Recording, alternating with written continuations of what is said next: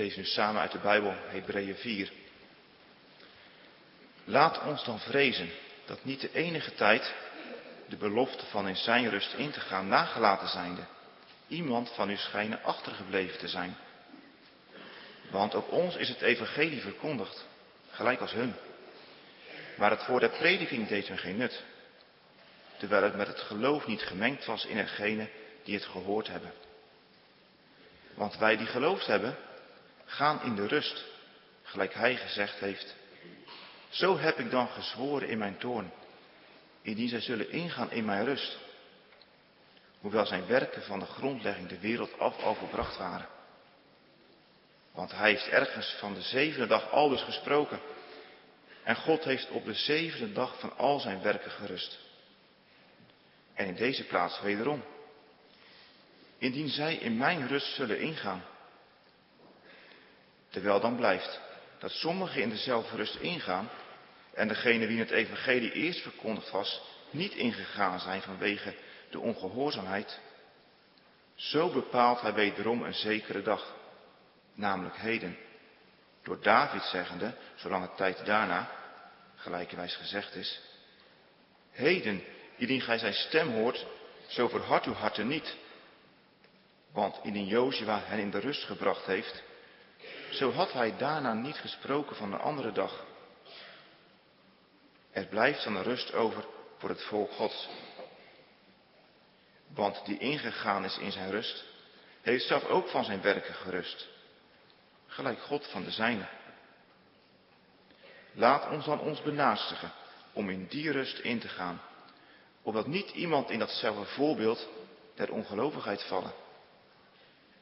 Want het woord God is levend en krachtig en scherp snijder dan enig tweesnijdend zwaard en gaat door tot de verdeling der ziel en des geestes en de samenvoegselen en des mergs. En is een oordelen der gedachten en der overleggingen des harten. En er is geen schepsel onzichtbaar voor hem. Maar alle dingen zijn naakt en geopend voor de ogen desgenen met welke wij te doen hebben. Terwijl wij dan een grote hoge priester hebben, die door de hemelen doorgegaan is, namelijk Jezus, de Zoon Gods. Zo laat ons deze beleidens vasthouden.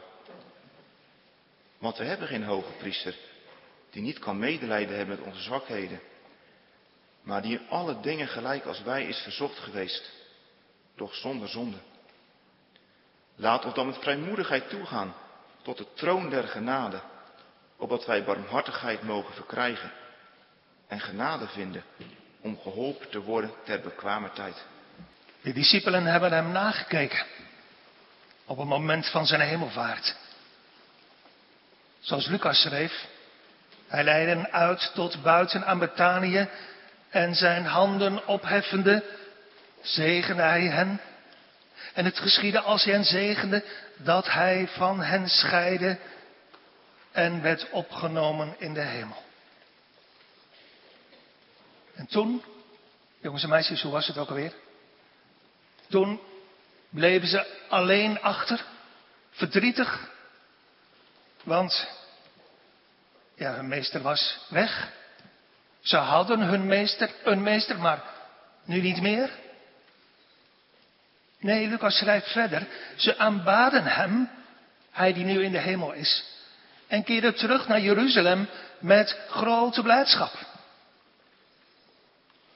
Want de discipelen hadden geen meester, maar hebben. Zij hebben en wij hebben ook naar de hemelvaart van de Heer Jezus een blijvende Heer in de hemel.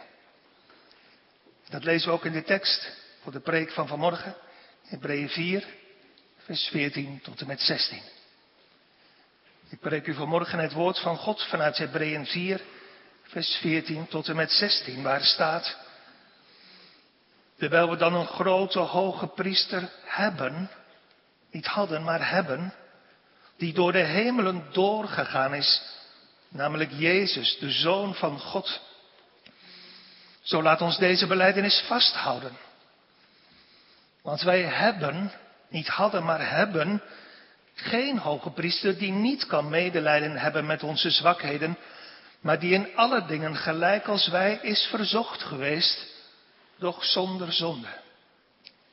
Laat ons dan met vrijmoedigheid toegaan tot de troon der genade, opdat wij barmhartigheid mogen verkrijgen en genade vinden om geholpen te worden te bekwamer tijd. Tot zover de tekstwoorden. Thema voor de preek van vanmorgen op deze zondag, die genoemd wordt Weeszondag, is de altijd blijvende koning en hoge priester. De altijd blijvende koning en hoge priester. Drie punten en die lopen parallel met de drie versen die ik voorlas. Hij is door de hemelen doorgegaan, vers 14. Hij heeft in de tweede plaats medelijden met onze zwakheden, vers 15. En in de derde plaats, hij geeft barmhartigheid en genade, vers 16. Dus de altijd blijvende koning en hoge priester, die in de eerste plaats door de hemelen doorgegaan is, die in de tweede plaats medelijden heeft met onze zwakheden en die in de derde plaats barmhartigheid en genade geeft. Als eerste dus, hij is door de hemelen doorgegaan. Kijk maar in vers 14. Terwijl we dan een grote hoge priester hebben die door de hemelen doorgegaan is, namelijk Jezus, de Zoon van God, zo laat ons deze beleidenis vasthouden. Wij hebben, staat er, een grote hoge priester. Vroeger had je gewone hoge priesters. Uit de lijn van Aaron, ik bedoel gewone, sterfelijke mensen zoals wij. Eén keer per jaar ging de hoge priester op de grote verzoendag tot het binnenste heiligdom van de tabernakel van de tempel. Volledig uit het zicht van de mensen die buiten wachten. Eerst ging hij het heilige binnen. En daarna ging hij ook door het gordijn van het heilige der heiligen tot in het binnenste heiligdom. Even was hij daar alleen met God. Hij sprengde het bloed van het offer op het verzoendeksel en voor het verzoendeksel. Daar woonde God. Maar daarna ging hij weer stil naar buiten. Maar dat was vroeger. Nu is die tijd voorbij. Nu is er één gekomen, zegt de apostel, die al die hoge priesters van al die eeuwen eindeloos ver overtreft. Kijk in vers 14, wij hebben een grote hoge priester die door de hemelen doorgegaan is. Niet door de gordijnen van die tabernakel om daar binnen te gaan, maar door de hemelen om de hemel der hemelen binnen te gaan.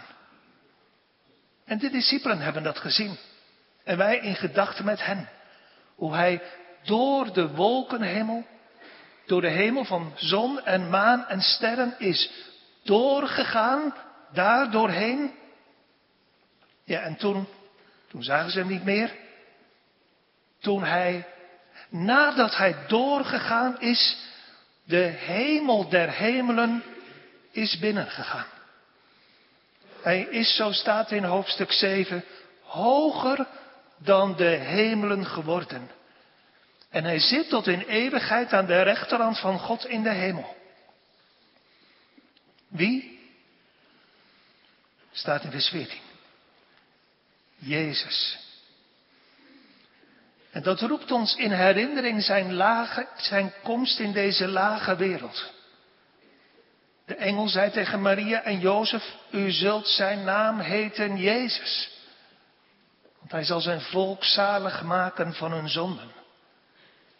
Deze naam herinnert aan zijn lijden, aan zijn sterven, aan zijn begrafenis, aan zijn opstanding, aan zijn hemelvaart. Jezus, hij is groot. Er staat een grote hoge priester. Zoals ook op andere plaatsen staat in deze Hebreeënbrief, hoofdstuk 10. De grote priester over het huis van God. Hoofdstuk 13, de grote herder der schapen. Groter dan iedere hoge priester uit de tijd of in de lijn van Aaron. Want die stonden maar één keer per jaar als een sterfelijk mens een ogenblik voor God in het heilige der heiligen. Maar deze hoge priester is Jezus, de Zoon van God. De eeuwige, zonderloze Zoon van de Vader. Die samen met de Heilige Geest drie ene God is en blijft. God uit God, licht uit licht. Jezus, de Zoon van God, die zondaar zalig gemaakt en die redt van de toekomende toren. Hij is heen gegaan, maar niet van zijn discipelen gescheiden. Hij is opgevaren ver boven de hemelen, maar hij is hoge priester gebleven van zijn kerk. En wat een troostvolle wetenschap is dat, midden in dit moeilijke leven. Voor die elf discipelen, die hem in zijn heen gaan nakijken. Wat een troostvolle wetenschap. We verliezen hem niet. Maar hij zal bij ons blijven. Zoals hij dat beloofd heeft. Wat een troostvolle wetenschap voor de lezers van de Hebreeënbrief. In een tijd destijds van vervolging, van isolement, van moeite en verdriet. Wat een troostvolle wetenschap voor al Gods kinderen ook in deze tijd. Levens met een hart, een zondig hart. Wat altijd maar weer moet blijven vechten tegen de zonde en tegen zichzelf. In een leven vol van moeite en verdriet. Het is een wetenschap vol van troost. Maar het is ook een wetenschap die aangevochten wordt en daarom zegt de apostel, laat ons deze beleidenis vasthouden.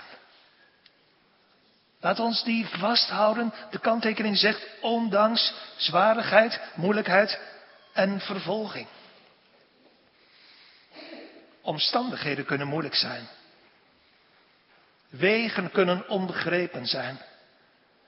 En ons geloof kan zo wankelen. Maar deze beleidenis mogen we en moeten we vasthouden.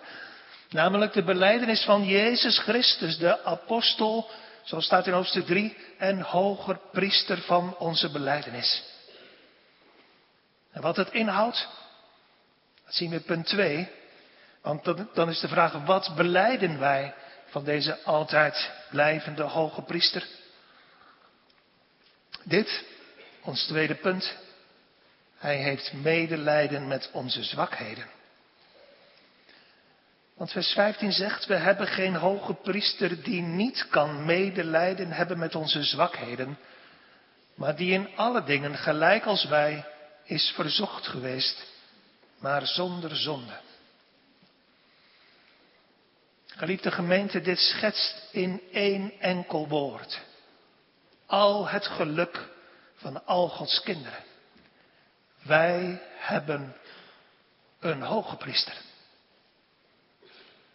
En voordat ik verder ga om u te zeggen wie hij is en wat hij doet en deed, wil ik u vragen, heel persoonlijk, kunt u dit nazeggen? Ik heb een hoge priester. Want dit is alles bepalend voor het antwoord op de vraag, hoe sta ik, hoe staat u voor God? En hoe zijn we op weg naar de eeuwigheid? hebt u, heb jij, een hoge priester. Kent u persoonlijk de grote hoge priester zoals dat hier staat, Jezus Christus, de Zoon van God, die met het bloed van zijn verdiensten aan het kruis de hemel der hemelen is binnengegaan, om verzoening te doen ook voor uw, voor jullie, hemelhoge schuld.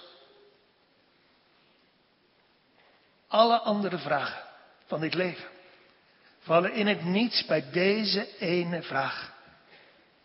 Heeft Hij met zijn eigen bloed ook voor u en voor jullie een eeuwige verlossing verdient.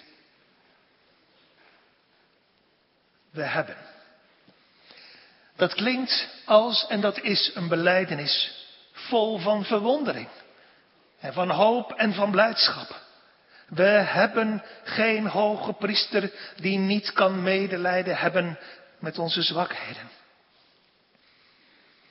Die hoogheid van de tot in de derde hemel verhoogde Heer Jezus, als koning der koningen en als Heere der heren, bekleed met glorie en heerlijkheid, als zoon van God, zittend aan de rechterhand van zijn vader, ver boven alle hemelen, kan gemakkelijk de indruk wekken dat hij ver van ons afstaat. En dat hij ons niet meer begrijpt. En dat hij niet meer met ons begaan is. Zeker als we als kinderen van God naar al onze zonden en gebreken kijken. En ons afvragen, zou die hoge priester, denk het aan je hart, nog wel van me afweten? Zou hij wel met mijn lot bewogen zijn? Zou er, zoals Asaf zingt in Psalm 73, wel wetenschap zijn bij de Allerhoogste? Ja, zegt de apostel. Want wij hebben geen hoge priester die niet kan medelijden hebben met onze zwakheden. Is een dubbele ontkenning. We hebben niet een hoge priester die niet kan medelijden hebben. Een dubbele ontkenning met als nadrukkelijke betekenis, we hebben wel een hoge priester. Die medelijden heeft met onze zwakheden.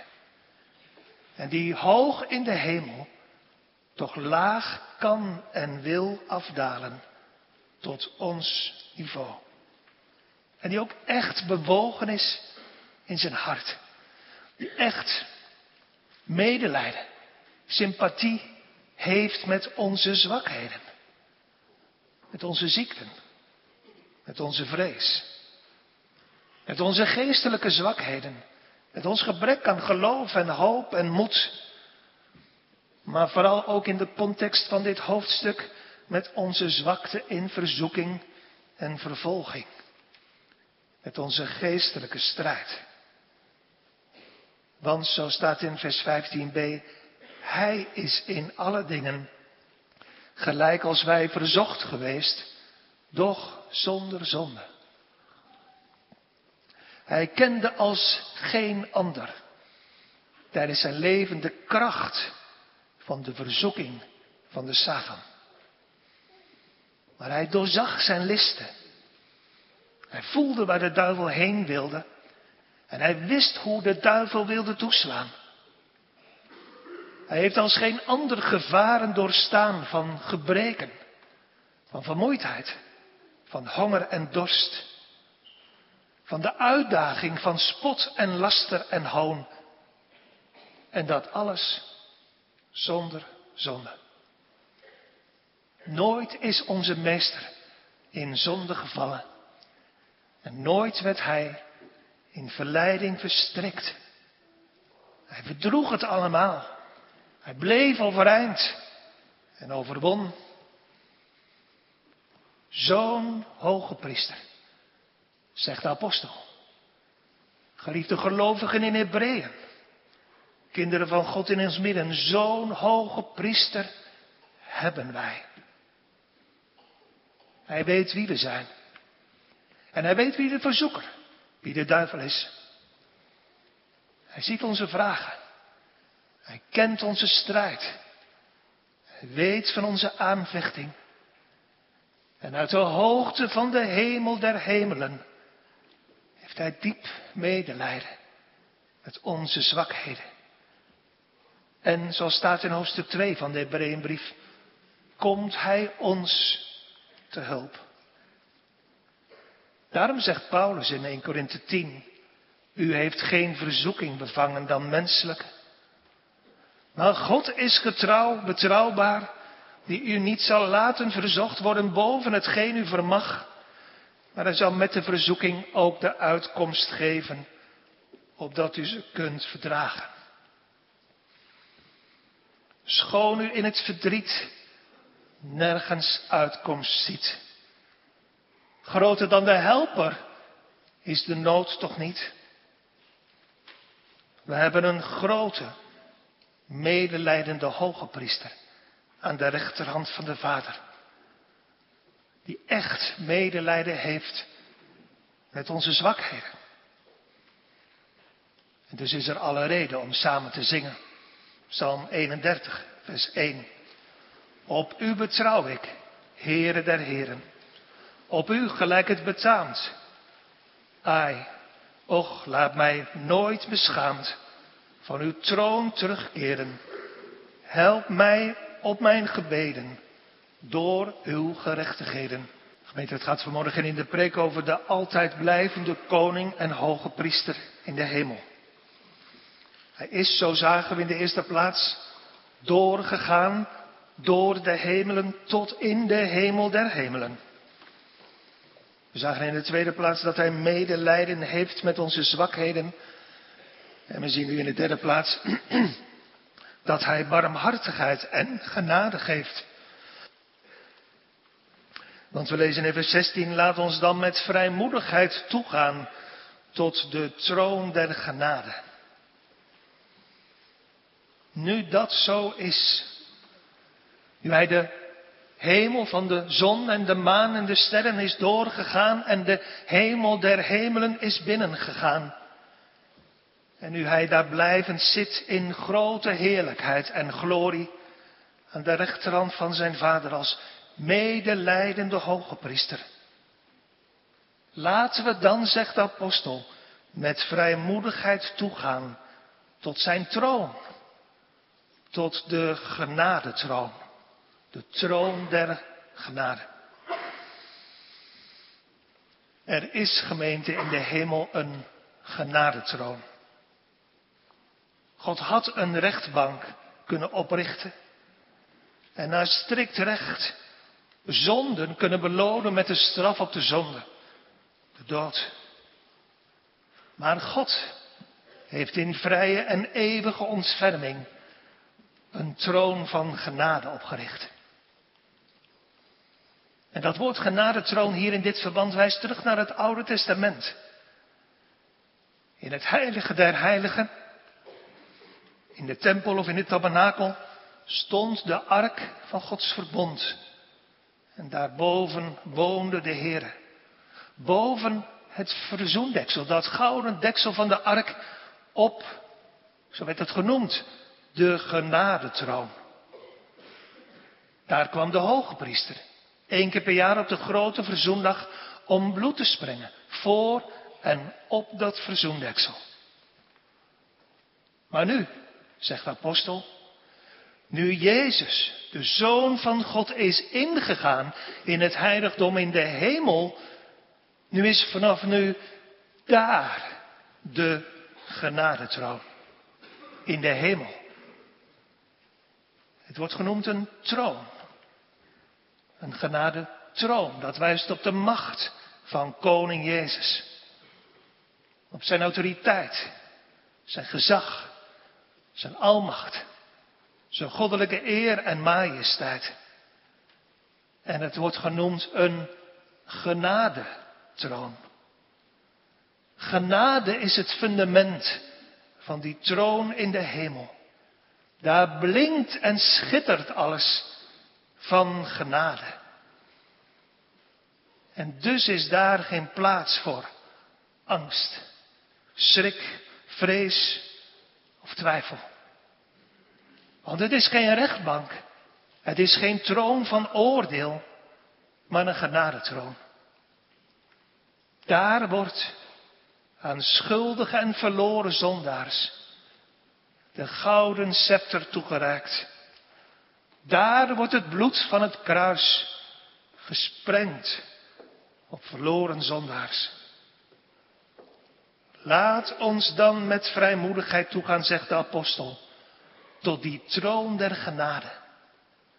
Laten we daar dan biddend heen gaan, met vertrouwen en verwachting.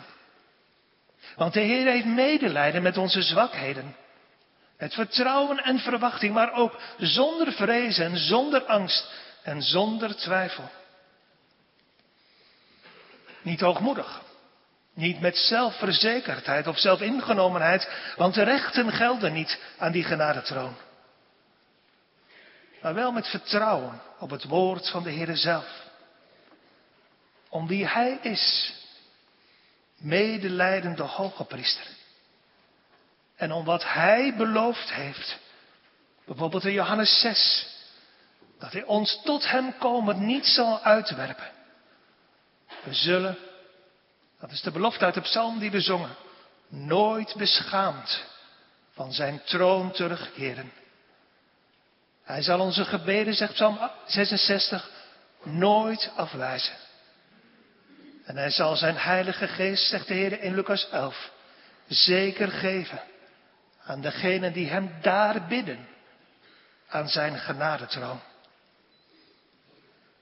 Laat ons dan met vrijmoedigheid toegaan. Dat klinkt en dat voelt u met me mee als een hartelijke uitnodiging.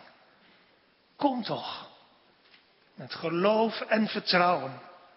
Niet twijfelend. Hoewel we daar zo toe geneigd zijn, niet twijfelend aan de goede wil en aan de geschiktheid van de hoge priester Jezus. Al moet u net als de vader van de maanzieke jongen komen, roepend en met tranen. Heer, ik geloof, kom een ongeloof te hulp, maar toch, kom. Kom. Er is een plaats waar u met al uw noden en zorgen heen mag gaan. En wat is dat toch een groot wonder. Als u daar met mij zo over nadenkt. Dat God een plaats heeft in de hemel. Waar zondaars mogen komen om te vragen. Mensen zoals wij, vol van zonde en schuld, zouden, elders overal worden afgewezen en weggestuurd. Maar de Heer zegt, kom maar. Kom maar. Aan mijn voeten. Kom maar. Aan mijn genadetroon. Kom herwaarts tot mij, u die vermoeid en belast bent. Ik zal u rust geven. Bij mij is plaats aan mijn voeten, aan de genadetroon in de hemel voor schuldige zondaars. Voor, zoals staat in 1 Samuel 22, voor alle man die benauwd is. Voor alle vrouw die een schuldeiser heeft. En voor ieder mens wiens ziel bitterlijk bedroefd is. Kom met vrijmoedigheid tot de grote Davidszoon die eeuwig op de genadetroon zit, om het bloed van de gekruiste en gekroonde koning, tot wie we mogen gaan en door wie we nooit weggestuurd zullen worden. Er is een plaats, zei ik, als eerste waar u met al uw noden heen mag gaan. En dat is een plaats in de tweede plaats, waarvan de toegang geopend is. Zonder restrictie. Zonder beperkingen. Iedereen is welkom. Nooit zal er iemand teruggestuurd worden en er is nog nooit iemand teruggestuurd. En nooit is gezegd en nooit zal gezegd worden, nu buigen er te veel mensen voor de troon. Laat ons, zo begon vers 1 van Hebreeën 4, Laat ons dan vrezen dat niet de enige tijd de belofte van, zijn in, van in zijn rust in te gaan nagelaten zijnde iemand van u schijnen achtergebleven te zijn. Blijf niet achter, lieve mensen, maar kom. Kom ook en buig en buk aan de genadetroon van Koning Jezus. En kom u ook allemaal kinderen van God, klein en groot, Werp dan, zo staat in hoofdstuk 10 van de Hebreeënbrief, werp dan uw vrijmoedigheid om te komen niet weg, welke een grote vergelding des loons heeft. Kom ook. Hoe? In de eerste plaats, zoals David zegt in Psalm 51. Met een gebroken en verslagen hart. Op precies dezelfde manier waarop de hoge priester vroeger het heiligdom als mens mocht binnengaan. Met grote eerbied. Met het bloed van het offer in zijn handen. Verwijzend ook naar zijn eigen schuld. Kom zo, lieve vrienden, op dezelfde manier. Eerbiedig, nederig. Zonder gevoel van rechten te hebben, want het is een genadetroon. En met door Gods genade in uw binnenste een gebroken geest. Net zoals Psalm 51 zegt, een gebroken en verslagen hart. Want dat zal God niet verachten. Want dat is zijn eigen werk. Kom ook. Hoe? In de eerste plaats eerbiedig en nederig. En in de tweede plaats ook zonder schrik of vrees. Want daar is een genadetroon. En dat is geen veroordelende rechtbank. Het oordeel is geveld op Golgotha. En nu heerst daar aan de voeten van Jezus genade. Zeker. Deze grote koning blijft soeverein. Als de grote koning der koningen vrij in zijn wil, in zijn doen, in zijn antwoorden, in zijn zwijgen. Maar hij heeft zichzelf gebonden met de band van beloften van genade. En dus zult u nooit te vergeefs buigen.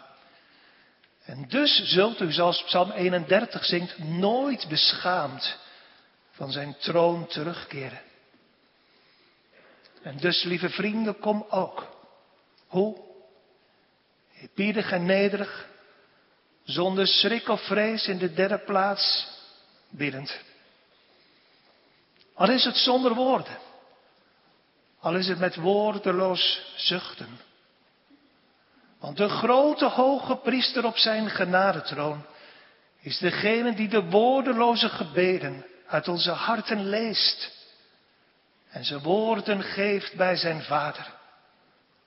Als de grote voorbidder aan de rechterhand van God, die zegt apostel Johannes, ook voor ons bid. En zoals ouders bij ons hun kinderen helpen om te praten, als ze er zelf niet uit kunnen komen.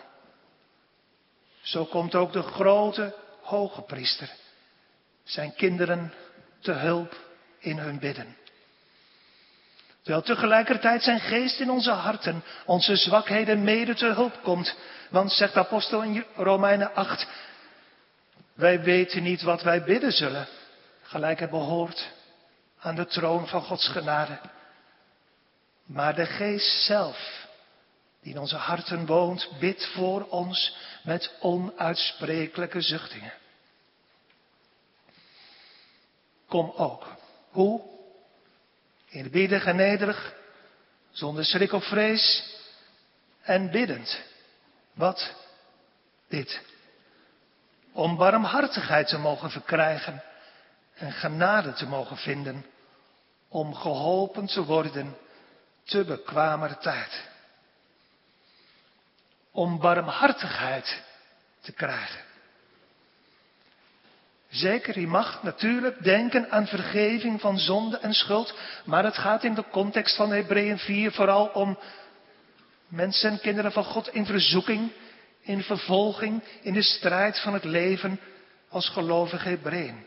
En dus gaat het, als het gaat om barmhartigheid, vooral om hulp in benauwdheid en gevaar, geestelijk gevaar ook.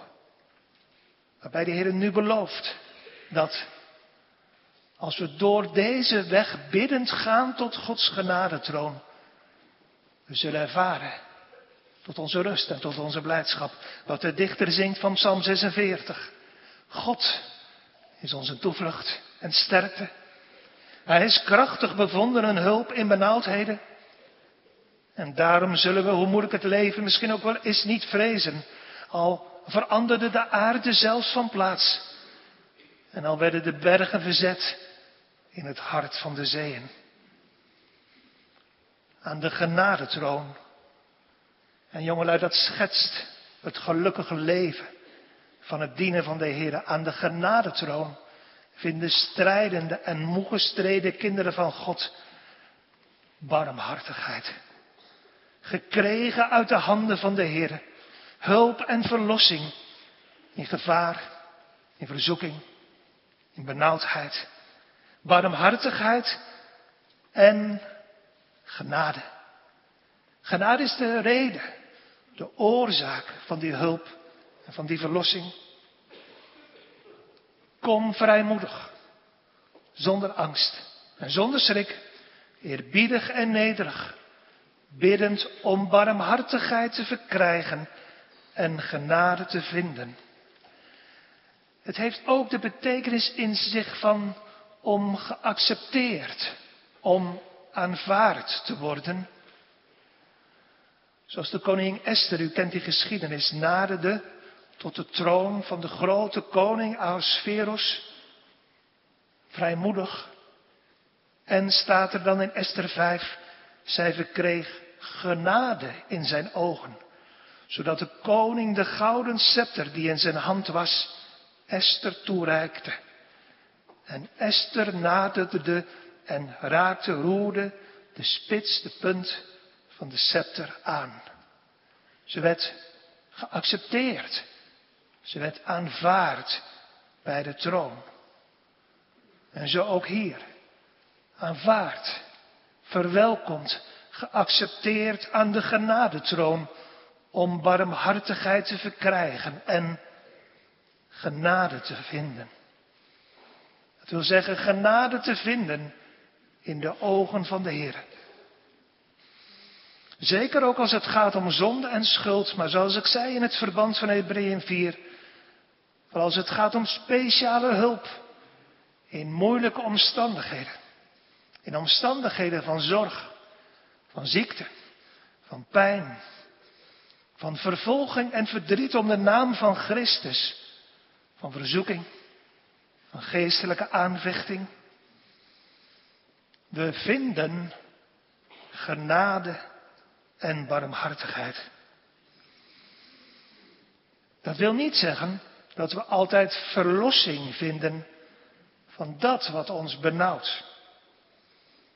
Het kan zijn, net als bij Paulus, dat de doorn die prikt in ons lichaam, in ons vlees, blijft. Maar niet zonder de woorden die klinken van de genadetroon door dit woord.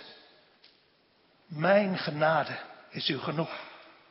Want mijn kracht wordt in zwakheid volbracht. Wanneer vinden we genade en barmhartigheid? Er staat te bekwamer tijd. Op Gods tijd. Op het juiste moment. Op Gods beste tijd. In het uur van de nood. Maar nooit te laat. Hij staat immers, zo staat in hoofdstuk 2 van de Hebreeënbrief, altijd gereed om ons in verzoeking te hulp te komen. Wanneer vinden we genade en barmhartigheid? Als we het niet meer van onszelf verwachten. Als we de hoop op onszelf opgeven en ons op genade en barmhartigheid werpen aan de voeten van de genadige en barmhartige hoge priester, die zit op zijn genadetroon, want dan blijft er niets meer te roemen over aan onze kant. Dan is alle eer voor Hem, voor Jezus Christus, de Zoon van God. Tot slot, gemeente, nog twee dingen. Als u of als jij deze hoge priester niet kent. Als je nooit in het verborgen, het zij op een verborgen plek of in het verborgen van je hart, met vrijmoedigheid, nederig en met een gebroken hart, toegaat tot Gods genade troon. Om barmhartigheid, om hulp en genade. Dan gaat u en ik blijf u dat eerlijk zeggen. Dan gaat u, dan ga jij een bijzonder slechte toekomst tegemoet. Want dan is er straks geen genadetroon voor je, maar een rechterstoel. De rechterstoel van dezezelfde koning. De rechterstoel van Christus. Dan zonder verzoenend bloed. En zonder medelijdende hoge priester. Hoe zult u ons vlieden, ons vluchten, zegt de 2, als u op deze grote zaligheid, deze grote zaligmaker en medelijdende hoge priester geen acht gegeven hebt. Dan zeg ik u, als u zo doorgaat, ziet de rechter staat voor uw deur. Maar kinderen van God, geliefden in de Heer, klein en groot. Laat ik afsluiten met deze woorden zelf. Terwijl we dan een grote hoge priester hebben, die door de hemelen doorgegaan is, namelijk Jezus, de Zoon van God. Zo laat ons deze beleidenis vasthouden, want we hebben geen hoge priester die niet kan medelijden hebben met onze zwakheden, maar die in alle dingen, gelijk als wij, verzocht is geweest, maar zonder zonde. Laat ons dan, doe dat dan, laat ons dan met vrijmoedigheid toegaan tot de troon der genade. Opdat we barmhartigheid mogen krijgen en genade vinden om geholpen te worden ter bekwamer tijd. Geliefde in de Heer, deze koning, deze hoge priester, is ons door Israëls God gegeven. En de drie enige God zij daarvoor alle lof en eer. Amen. Laten we samen bidden. Zo komen wij, Heer, voor U. Die we in onze harten zien als de heilige God. En als we naar onze zonde kijken, kan het ons zoveel schrik aanjagen. Maar u hebt ons bemoedigd en aangespoord om met andere gedachten te komen tot de genadetroon omdat uw toren is geblust op hem. Heer Jezus Christus, die nu zit aan uw rechterhand. Geef ons alstublieft, Heer, genade en barmhartigheid op uw tijd. En red de zielen onder ons, Heer, van diegenen die nog nooit zo met vrijmoedigheid toegegaan zijn tot uw genadetroon. Gelukkig, heren, bent u niet ver weg, maar dichtbij.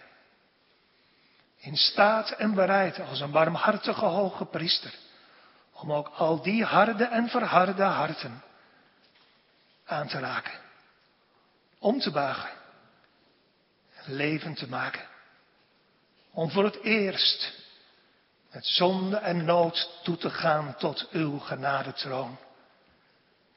Heere, onze hoop is op u. Dat u dat werk gedaan hebt, dat werk van troost en dat werk van bekering in de dienst van vanmorgen. En dat u dat werk wilt doen nu we naar huis gaan. Bewaart u ons. En geef dat we vanmiddag allemaal trouw naar de dienst zullen komen om te luisteren opnieuw naar wat u tegen ons te zeggen hebt. Hoor ons gebed, o genadige en barmhartige God en Vader, in het aangezicht van uw lieve Zoon Jezus Christus, die ook voor ons bidt. Amen.